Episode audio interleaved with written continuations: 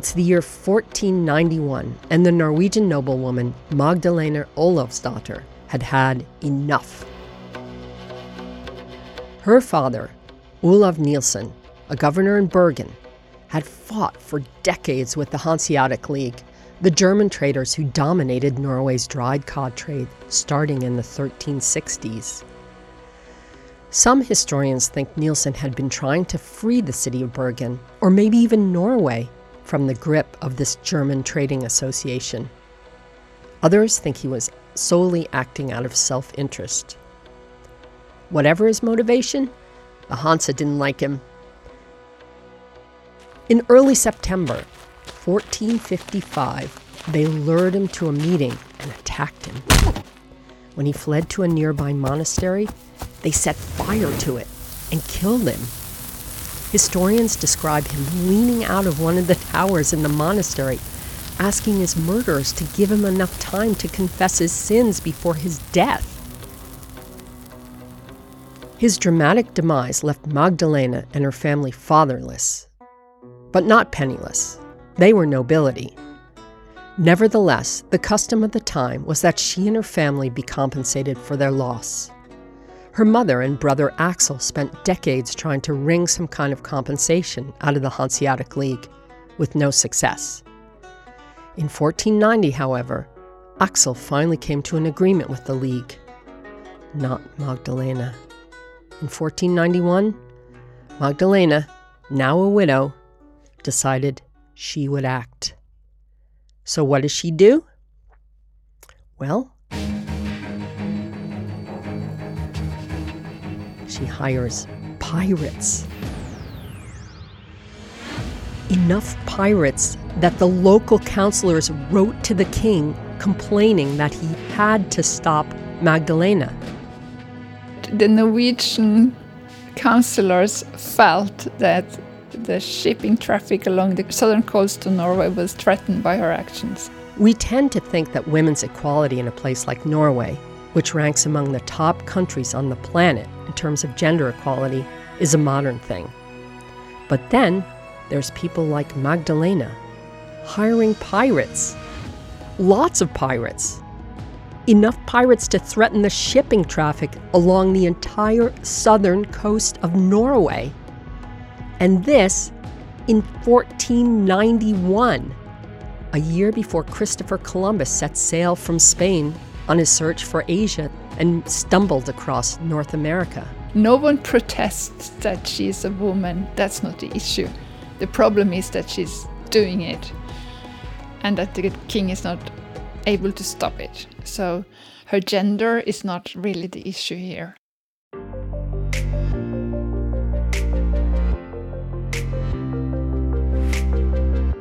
I'm Nancy Bazilchuk, and you're listening to 63 Degrees North, an original podcast from NTNU, the Norwegian University of Science and Technology.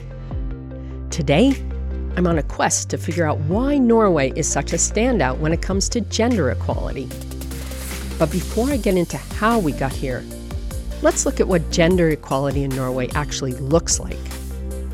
First of all, Norway was the first independent country in the world to grant full voting rights to women in 1913. From a practical standpoint today, women's equality has to do with leveling the playing field when it comes to balancing work and family. It means that women have the right to nearly a full year of paid maternity leave. Childcare is universally available and is subsidized by the government. There are programs to encourage women to pursue a university education in fields traditionally studied by men, science and engineering in particular. There are national requirements that a certain percentage of company boards of directors be women. It's not perfect, of course. Women are still paid somewhat less than men for the same work. Regardless, there's a general awareness in Norwegian society that women should be full and equal participants in that society. The system here is absolutely wonderful. You have uh, one year of uh, maternity leave, I mean, parental leave. Back in the 90s, when I had my two children, the husband or the, the father had to take only one month. The law now gives fathers as much as 19 weeks paid leave. I think this is excellent because uh, it push actually uh, men to be more involved uh, at home. That's Marie-Laure Olivier. I'm French. I've been in Norway since uh, 1996 and I'm the administrative leader for the Center of Excellence PoreLab under the Department of Physics. Marie Laure says it would have been difficult for her to have the same career she has here in Norway as the leader of a big research lab in France. My experience is that it's much easier to be a woman in Norway compared to France. Uh, France, there is still this uh, patriarchal culture, which is still going on. Norway is much more advanced uh, socially. Life is easier for a woman in Norway. I never, never experience any discrimination due to the fact that I'm a woman. Absolutely never.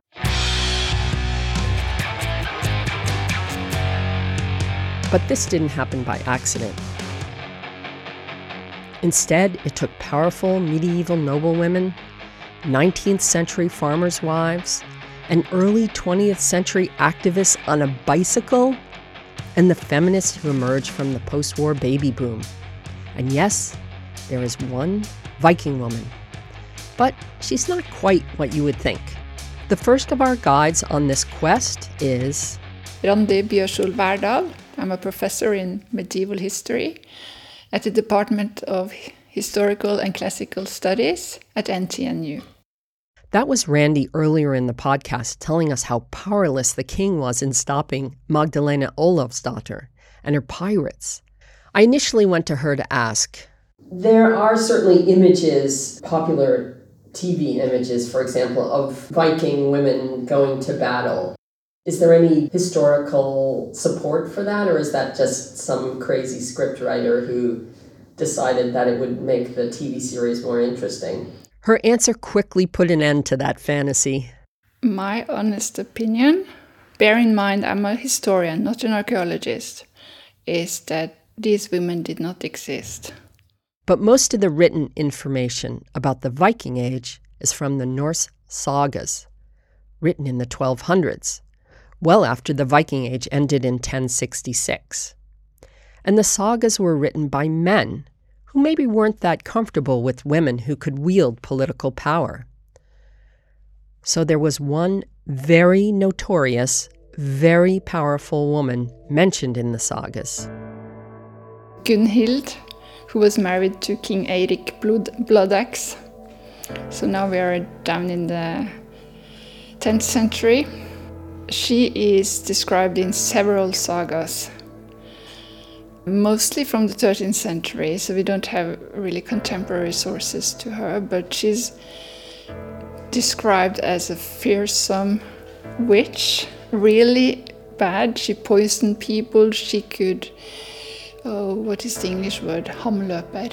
Someone who could change themselves into an animal. Uh, she had a lot of sex, used sex to get her ways in politics, especially when she was widowed. She is a very negative figure in the sagas, giving you the impression that the authors of the sagas are the ones who wrote them down. They didn't really like women with this amount of political power like she had, especially when she was widowed.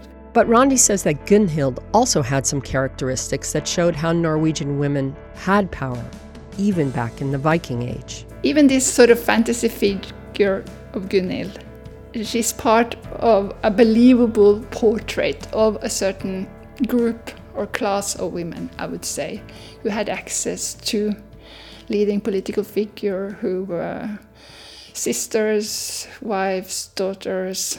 That is believable from, I mean, almost all research we have on these women from whatever period of time you look at them, you can see that they they had this soft indirect power and sometimes even much, much more direct power and were able to use it to exercise power really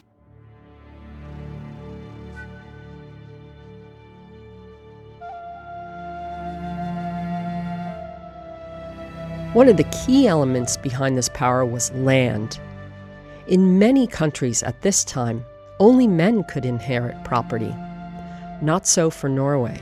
In the Nordic region, women did inherit property, which was not necessarily the case all over medieval Europe. So that's mm, perhaps the biggest that tell us that women perhaps had better set of rights in the Nordic region than they did in some other societies further south in Europe. For instance, uh, in the law, it was, well, now we're talking about the laws, medieval Norwegian laws from the. Someone would say that the roots are in the Viking period, but it's a bit difficult to state that, but at least from the 12th, 13th century, definitely. And especially the national law code that was sanctioned in the 1270s, it said very clearly that stated that women could inherit from their parents. It's not the same amount, not as such a great amount as the brothers, but still they could inherit. And if there was just one daughter, she would inherit it all.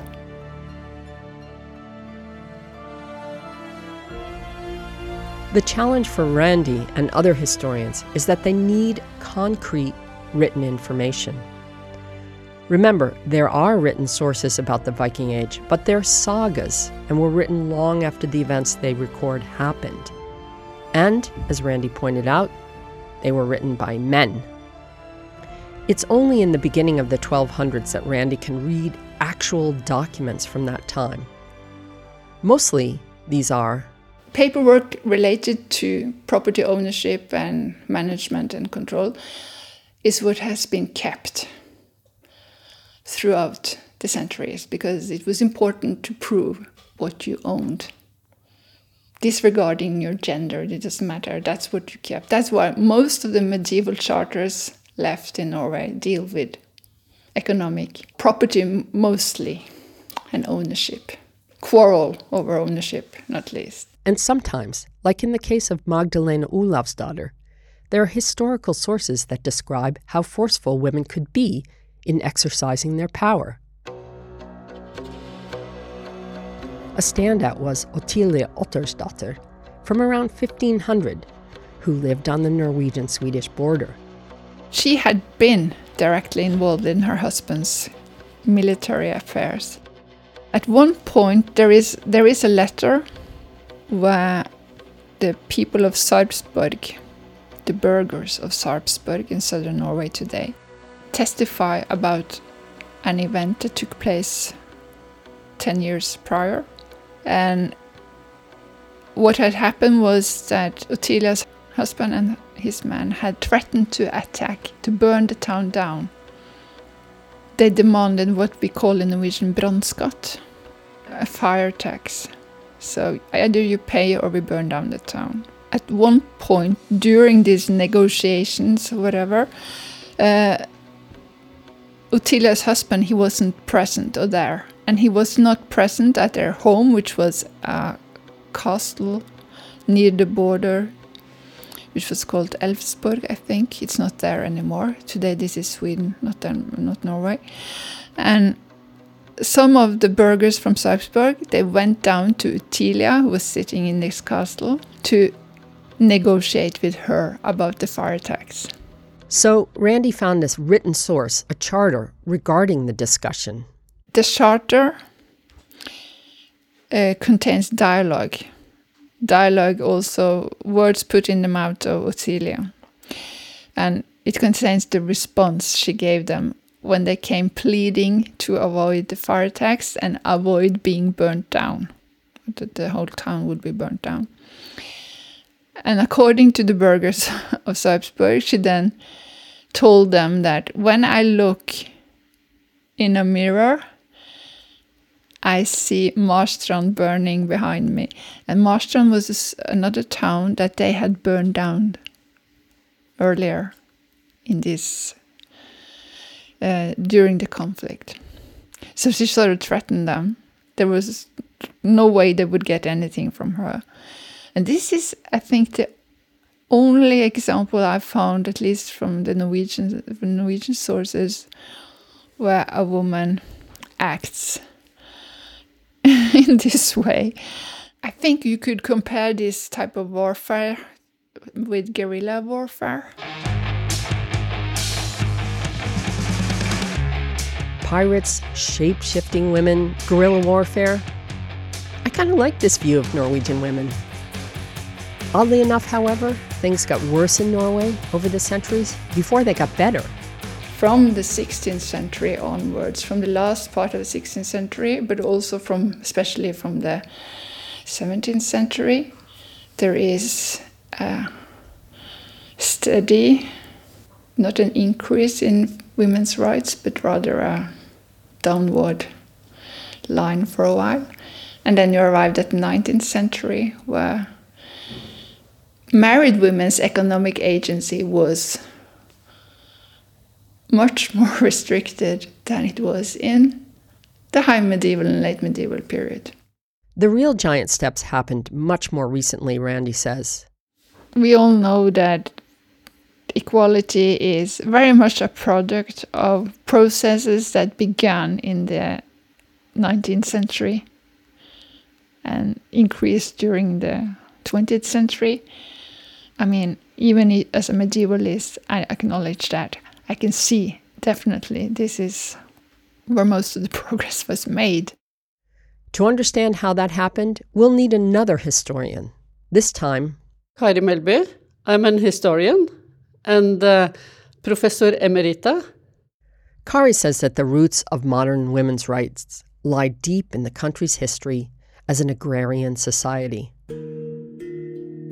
While most European countries had an agrarian past, farming in Norway was different. For one thing, Norway is a terrible place to farm unless you like living on cabbage and potatoes. It's cold, it's wet, and very mountainous. Only about 4% of Norway's land is actually suitable for farming. That's a big reason why Norwegians traded with the Hanseatic League back in the day when Magdalena Olavsdatter was hiring pirates to ransack their ships. The Hanseatic League purchased dried cod, which Norway had in abundance, in return for flour, malt, and beer. Why does that matter? Because it was tough to make a living on a farm, and farmers were no dummies. They recognized their wives' contribution was critical to the family's survival.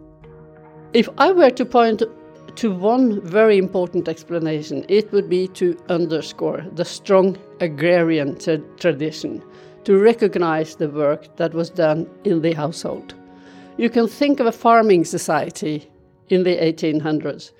You couldn't survive without the women. Women made food for all the farm workers and for the family, of course. They made clothes, gave birth, raised children, and the next generation took care of the elderly and the sick. So farmers knew that they couldn't get by without their wives. Another factor was that Norway was relatively late to modernize. So the modern institutions weren't set in stone. But another chance factor that came into play was the union between Sweden and Norway. Norway was in a union with Denmark for roughly 400 years starting in the late 1300s and then was ceded by Denmark to Sweden in 1814 after Denmark Norway was on the losing side of the French Revolutionary Wars. When Sweden took possession of Norway in 1814, the Norwegians objected to being passed around like a prized pig and wrote their own constitution. Uh, Norway got a very forward thinking and modern constitution in 1814 a liberal law. And in that political system, early on in democratization, women were closed out. We had no political rights. We were actually not considered Norwegian citizens in a political sense. But there was a discussion, in fact, and the law said Norwegian citizens have such and such rights. Okay, women's rights advocates said in the 1880s aren't women Norwegian citizens. It wasn't actually necessary to answer this because it was self evident. Women weren't Norwegian citizens in the constitutional law in a political sense. But many men also didn't have the right to vote at that time. The new constitution doesn't sound like an advance in women's rights. But this slap in the face, that Norwegian women couldn't even be considered citizens, led women to organize. They created and joined volunteer associations, which allowed them to mobilize around voting rights when the time was right. The first organization claiming the right to vote for women on equal terms with men was founded in 1885 by Gina Krog, an outstanding advocate for women's rights from the 1880s. And one trigger for action happened in 1905 when there was a national vote to decide if Norway should dissolve its union with Sweden. Sweden, by the way, wasn't happy about this. So much so that it looked like there might be war between the two countries. Norwegian women responded by organizing the uh, Norske Kvinners Sanitetsforening, that is the Norwegian Women's Public Health Association, it was founded in 1896 because the fight between Norway and Sweden over the union had intensified until the union was dissolved in 1905. But there were threats of war, there was unrest on the border, and so this this association, NKS, was founded. And this organization had a lot of goals. It should support the Liberal Party in the conflict. Uh, it should fight for women's voting rights. It should prepare women and prepare materials in case there was a war with Sweden, our neighbor in the east. And it should fight against tuberculosis. One very determined woman started this association. Fredrikke Marie Qvam. One advantage that she had was she was married to a member of the Storting, the parliament, who was a driver for women's voting rights and for leaving the union with Sweden. And he said, When we become an independent nation, women must have the right to vote. Women need to be involved. The new nation will need all its inhabitants. She and her husband also had several children who died from tuberculosis. That was part of her motivation for founding the Public Health Association. In a 1915 article about Qvam in Samtiden, a Norwegian literary magazine, she was called the Queen of the Corridors because she knew how to work with women associated with prominent men. It's called soft power, using your networks to indirectly influence outcomes. Just like what Randi Wærdahl found in her studies of powerful medieval women. In 1905, there was a referendum on union dissolution that women were not allowed to participate in. And they were furious.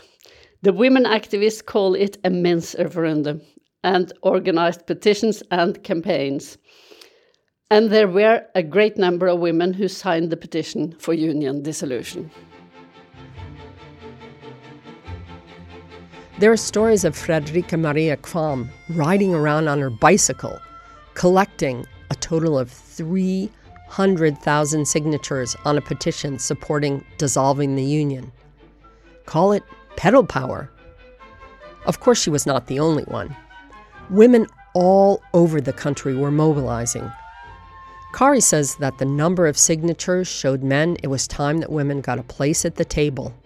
So they demonstrated that they were politically engaged and had the authority in a way, uh, that they wanted to be political individuals. What these women did in 1905 helped lay the ground for women's full uh, voting rights. Which came in stages but in 1913, Norway became the first independent nation to give women full voting rights.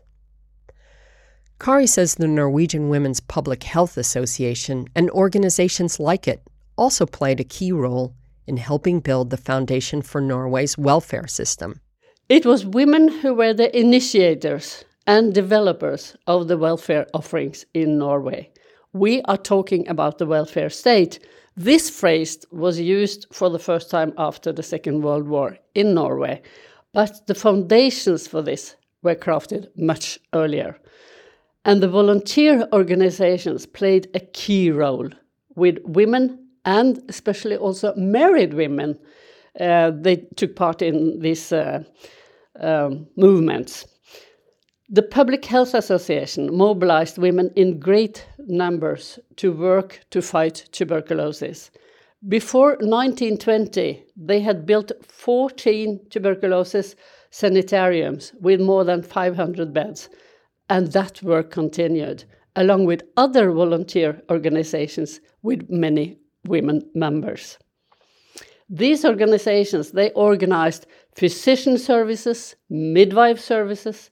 They were pioneers when it came to institution for psychiatry, elder care, health centers for mothers and children, nursing education.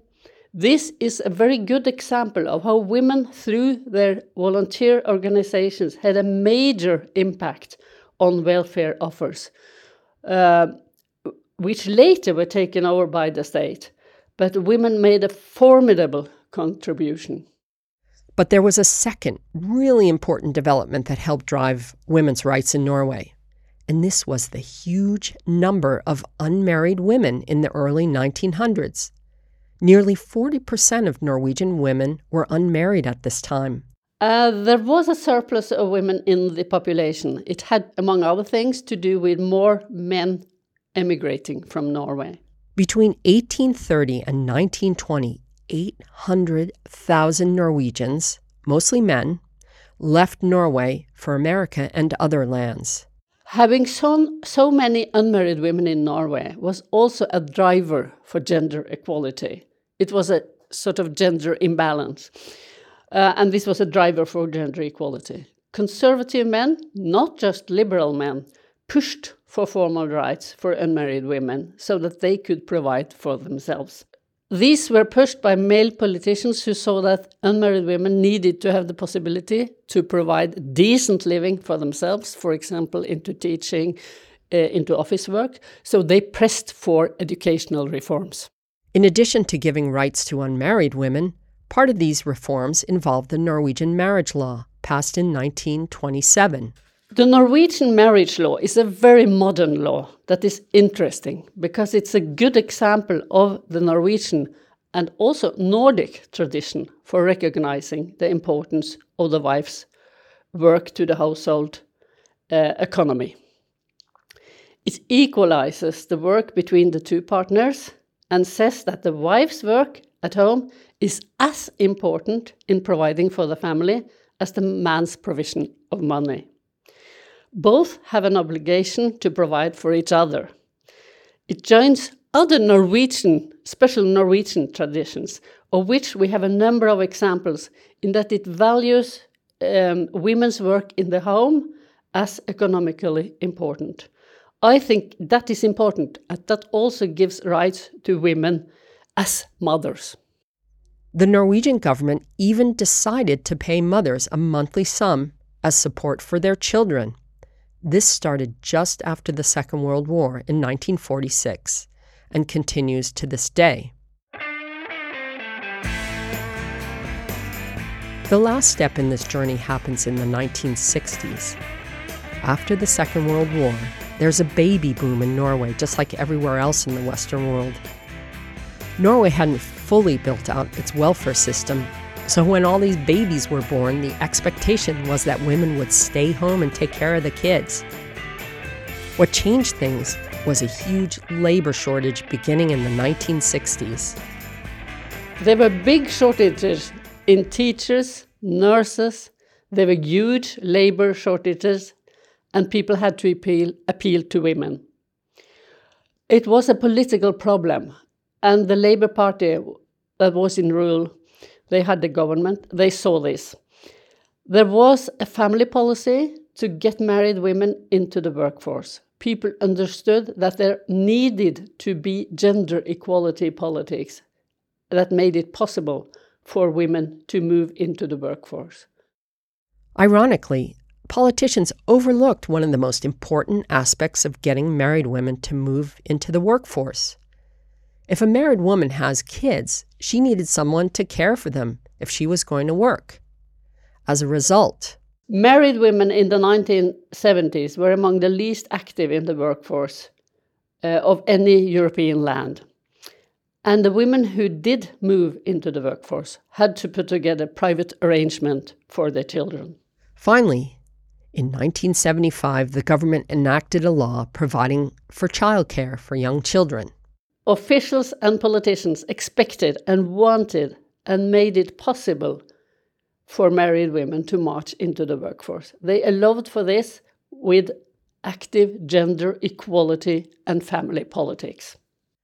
The great French female scientist Marie Curie, who herself was a pioneer in women's rights, once said, One never notices what has been done, one can only see what remains to be done. Yes, things do remain to be done. One big issue is that women's salaries aren't quite at the same level as men's. But there's awareness and hope.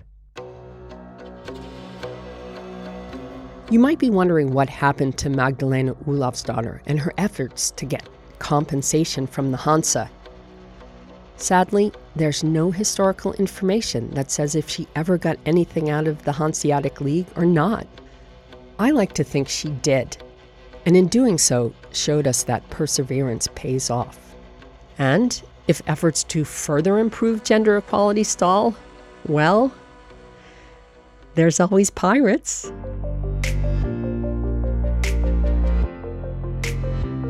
I'm Nancy Bazilchuk, and you've been listening to 63 Degrees North, an original podcast from NTNU, the Norwegian University of Science and Technology.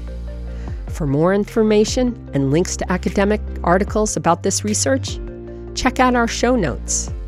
Editorial help and sound design by Historia Bruca. Thanks for listening.